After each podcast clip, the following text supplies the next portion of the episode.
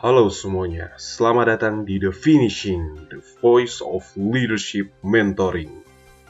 Di podcast ini kami akan berbagi dan bercerita seputar skill dan hal-hal yang berkaitan dengan kepemimpinan. Selamat mendengarkan.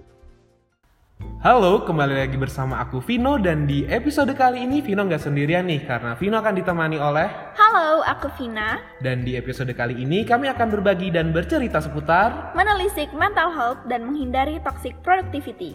Wow, menarik sekali ya topik kita kali ini. Iya nih, banyak orang berpikir bahwa orang yang sehat itu adalah yang jarang sakit secara fisik.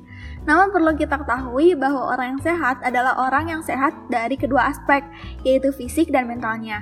Kesehatan mental yang baik adalah kondisi ketika batin kita berada dalam keadaan tentram dan tenang, sehingga memungkinkan kita untuk menikmati kehidupan sehari-hari dan menghargai orang lain di sekitar. Apabila kesehatan mental seseorang terganggu, ia akan mengalami gangguan suasana hati, kemampuan berpikir, serta kendali emosi yang dapat mengarah pada perilaku buruk. Bener banget nih, mental health itu sangat penting. Kenapa? Karena apabila seseorang sudah mempunyai masalah mental, yang mereka bisa lakukan hanyalah mencari tahu bagaimana membuat keadaan mental mereka stabil. Selain itu, dari diri kita pun dapat membantu sesama dengan cara yang sederhana. Dengan cukup bicara kalau ada masalah dan mendengarkan orang lain yang mencurahkan isi hati dan pikiran atau bebannya kepada kita. Dengan mendengarkan dan menjadi tempat yang nyaman bagi mereka saat ingin bercerita, kita dapat menyadari bahwa orang tersebut butuh bantuan. Hal ini merupakan salah satu langkah sederhana yang dapat dilakukan untuk membantu orang-orang yang memiliki gangguan kesehatan mental. Sama halnya dengan diri kita sendiri.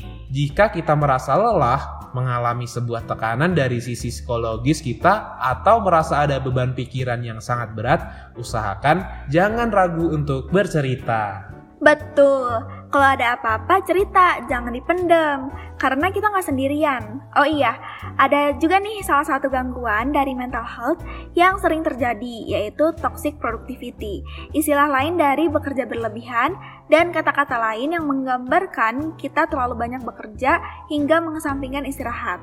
Toxic productivity itu memunculkan rasa bersalah kalau tidak mengerjakan sesuatu. Ujung-ujungnya kita mengalami burnout yang membahayakan kesehatan mental dan itu harus dihindari. Wah, bahaya sekali ya. Oke, aku punya beberapa tips nih untuk bisa menghindari toxic productivity. Wow, apa tuh No? Boleh di-sharing juga nih sama teman-teman yang ada di rumah. Oke, agar kita terhindar dari toxic productivity, ada beberapa tips nih supaya kita bisa memiliki kehidupan yang lebih sehat. Nah, yang pertama, buat batasan yang jelas. Kita bisa menentukan batasan yang mengubah sudut pandang kita dari yang hanya memikirkan pekerjaan ke hal-hal lain yang berarti dalam hidup. Misalnya, tidak boleh bekerja selama 3 jam tanpa diseling istirahat. Kemudian yang kedua, terapkan professional detachment kita akan memperlakukan pekerjaan sebagai suatu hal yang akan kita tangani setelah menjalankan tanggung jawab lain di luar itu. Misalnya, peran kita ini bukan hanya sebagai seorang pekerja, tetapi juga mungkin sebagai orang tua, pacar, teman, dan lain sebagainya. Dan kemudian yang ketiga yaitu praktikan mindfulness. Kita dapat menerapkan mindfulness ini dengan melakukan meditasi. Caranya pun mudah dan praktis kita hanya perlu duduk diam, pejamkan mata, dan pikiran kita akan dijernihkan. Wah, bermanfaat banget nih. Bisa aku terapkan di kehidupan sehari-hari dan pasti teman-teman di rumah juga. Terima kasih Vino.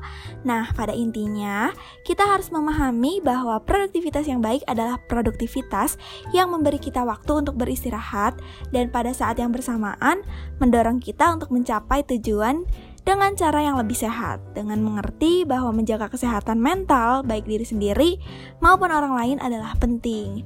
Di sinilah kita akan semakin memahami dan menghargai orang lain dengan segala kekurangan dan masalah di dalam dirinya. Nah, dan kita juga akan semakin mengerti apa yang mereka rasakan dan apa yang bisa kita lakukan untuk membantunya. Karena masih banyak orang yang masih menganggap remeh sebuah masalah yang mengganggu pikiran dan bahkan mental seseorang.